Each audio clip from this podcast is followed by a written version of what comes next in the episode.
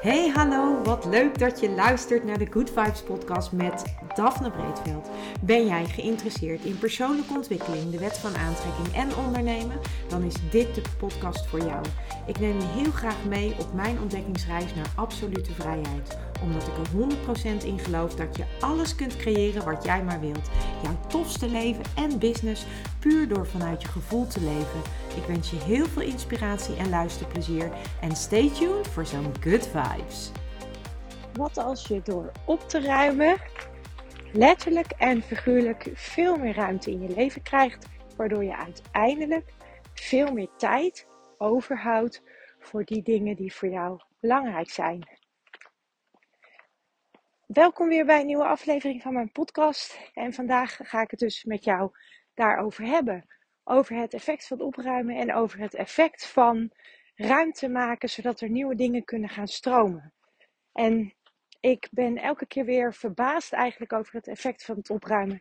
Ik weet dat het zo werkt en toch elke keer ook bij mezelf merk ik weer dat ik denk bizar hoe het werkt. En afgelopen week heb ik best wel veel opgeruimd.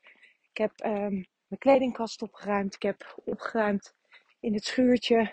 Ik heb allerlei bestanden opgeruimd. Ik heb nou, van alles opgeruimd. En het gekke is dat op het moment dat je gaat opruimen, dat je direct eigenlijk voelt dat er iets verandert in de energie. Dat je ook direct merkt dat dingen weer gaan stromen op een andere manier dan dat je gewend bent. En dat vind ik eigenlijk altijd iets magisch. En tegelijkertijd is het ook iets heel moois en eigenlijk ook ontzettend simpel. Want hoe fijn is het dat je door simpelweg dingen op te ruimen, afscheid te nemen van dingen die je niet gebruikt, of bijvoorbeeld spullen die je bewaart omdat je denkt je weet maar nooit waar het voor nodig is. Dat door juist daar afscheid van te nemen, voor, door afscheid te nemen van al die dingen die misschien wel ongebruikt in een kast liggen, wachtend op het moment dat je het een keer gaat gebruiken, door juist daar afstand van te doen en afscheid van te nemen, dat je juist daardoor ook weer veel meer energie en ruimte gaat ervaren. En een verandering in de energie gaat ervaren, waar er ook weer nieuwe dingen kunnen ontstaan. En wat het mooie daarvan is, wat met mij betreft in ieder geval het mooie daarvan is, is ook dat je gewoon veel meer tijd overhoudt. Want zonder dat we er erg in hebben, houden we dingen vast omdat we het idee hebben dat we daar nog iets mee gaan doen. Bijvoorbeeld knutselspullen. Of bijvoorbeeld lappen stof waarvan je, die je misschien ooit gekocht hebt. Omdat je dacht, daar ga ik nog wel een keer wat van maken of meemaken. En dat zijn, ik noem nu twee voorbeelden die voor mij in ieder geval gelden. Dat ik van die fases heb waarin ik denk, oh leuk, ik ga van alles maken of ik ga van alles doen. Dan ga ik bijvoorbeeld naar de lapjesmarkt en haal ik leuke lappen stof waarvan ik dan denk ik een broek gaan maken of een lezertje of een rok. Maakt ook eigenlijk niet zoveel uit.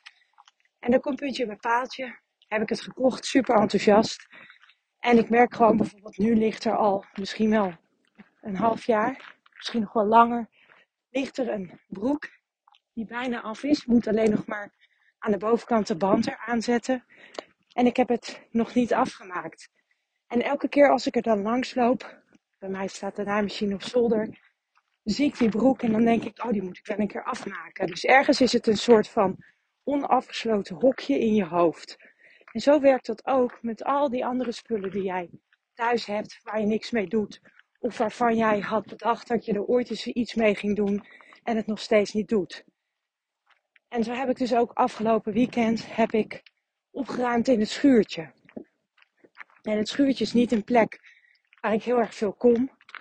Maar het is wel een plek waar ik, als ik er kom, me erger aan spullen die daar staan, die kapot zijn, die niet meer gebruikt worden, maar die we wel hebben bewaard vanuit het idee dat we daar, dat we ze gaan maken of dat we ze gaan laten maken. Uh, spullen die bij de verhuizing van mijn moeder naar haar nieuwe huis weggingen, waarvan ik dacht, ja, dat vind ik zonde om dat weg te doen. Dus dat bewaar ik. Ook dat soort spullen staan daar in dat schuurtje. En zo zijn er allerlei dingen in huis, ook in mijn huis, die onbewust ruimte innemen, plek innemen, een bepaalde energie bij zich dragen, die jou een onrustig gevoel kan geven zonder dat je dat in de gaten hebt. Maar ook bijvoorbeeld een onrustig gevoel of een vol hoofd, omdat je nog denkt, denk even aan die broek die ik nog af wil maken.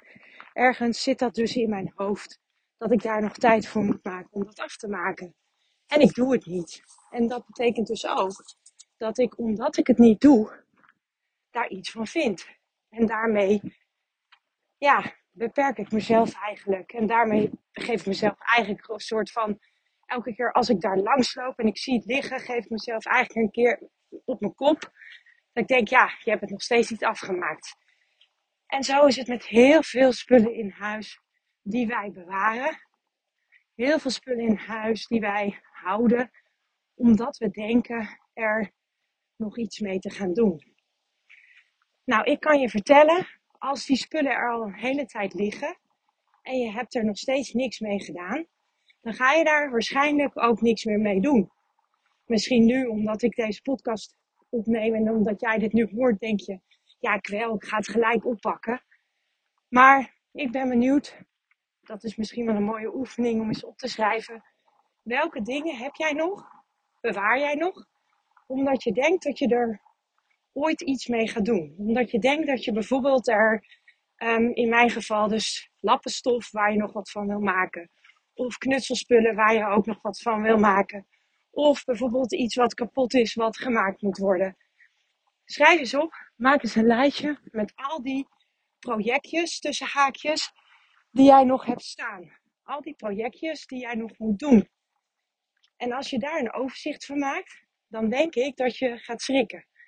Want de meeste van ons hebben best wel veel openstaande projectjes, to-do dingetjes, die niet direct op onze prioriteit ten lijstje staan. Want vaak zijn het dingen waar we, als we er een keer tijd voor hebben, mee aan de gang willen gaan. En maken we dus ook geen prioriteit. En dat betekent ook gelijk dat het blijft liggen en liggen en liggen.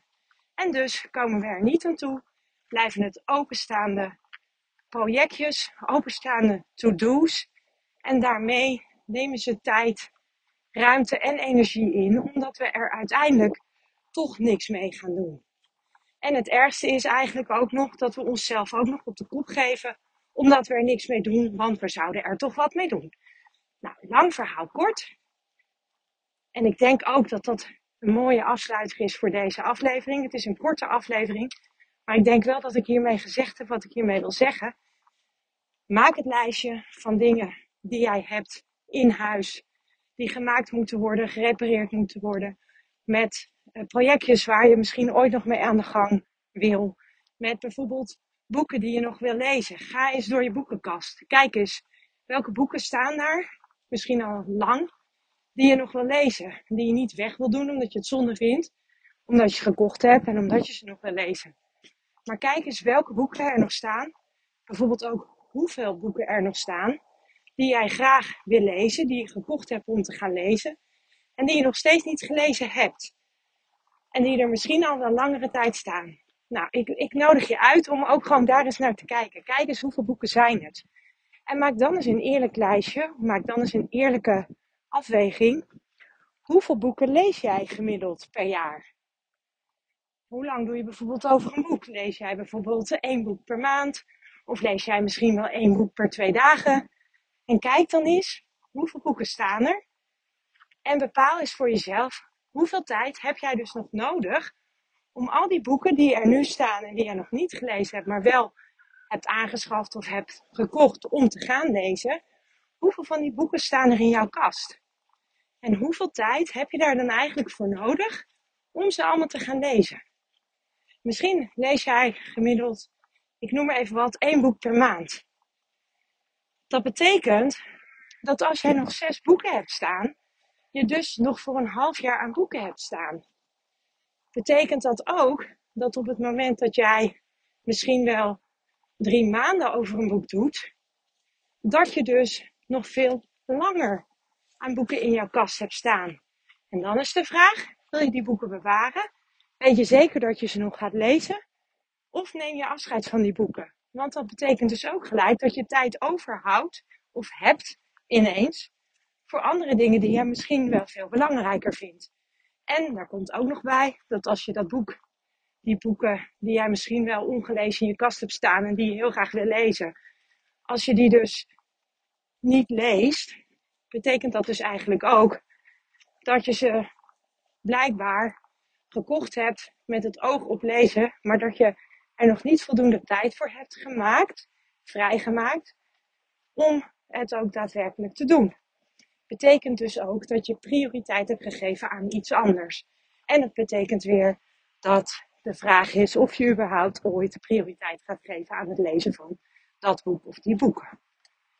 Dus ik wil je uitnodigen om eens te gaan kijken naar de spullen in huis die jij hebt, die jou heel veel ruimte innemen, tijd innemen of tijd gaan kosten om bijvoorbeeld zo'n boek te lezen. Ehm, en dat dus eigenlijk allemaal projectjes zijn die jij op een planning hebt of op een to-do hebt, maar die je uiteindelijk nog niet hebt gedaan en waarschijnlijk dus ook niet gaat doen. Ik nodig je uit en ik ben heel benieuwd wat het je gaat opleveren of welke inzicht het je gaat geven. En als je het leuk vindt, mag je dat uiteraard met me delen en hoor ik het heel graag. Tot een volgende aflevering. Ciao. Ja, lieve mensen, dat was het weer voor vandaag. Dankjewel voor het luisteren. Ik hoop dat ik je met deze aflevering heb weten te inspireren. Wil je nu meer inspiratie? Abonneer je dan vooral gratis op deze podcast. En ik zou het helemaal fantastisch vinden als je een review zou willen achterlaten, zodat ik ook voor anderen goed te vinden ben in de iTunes en Spotify lijsten en daardoor nog meer mensen kan inspireren. Dankjewel voor nu en geniet van je dag.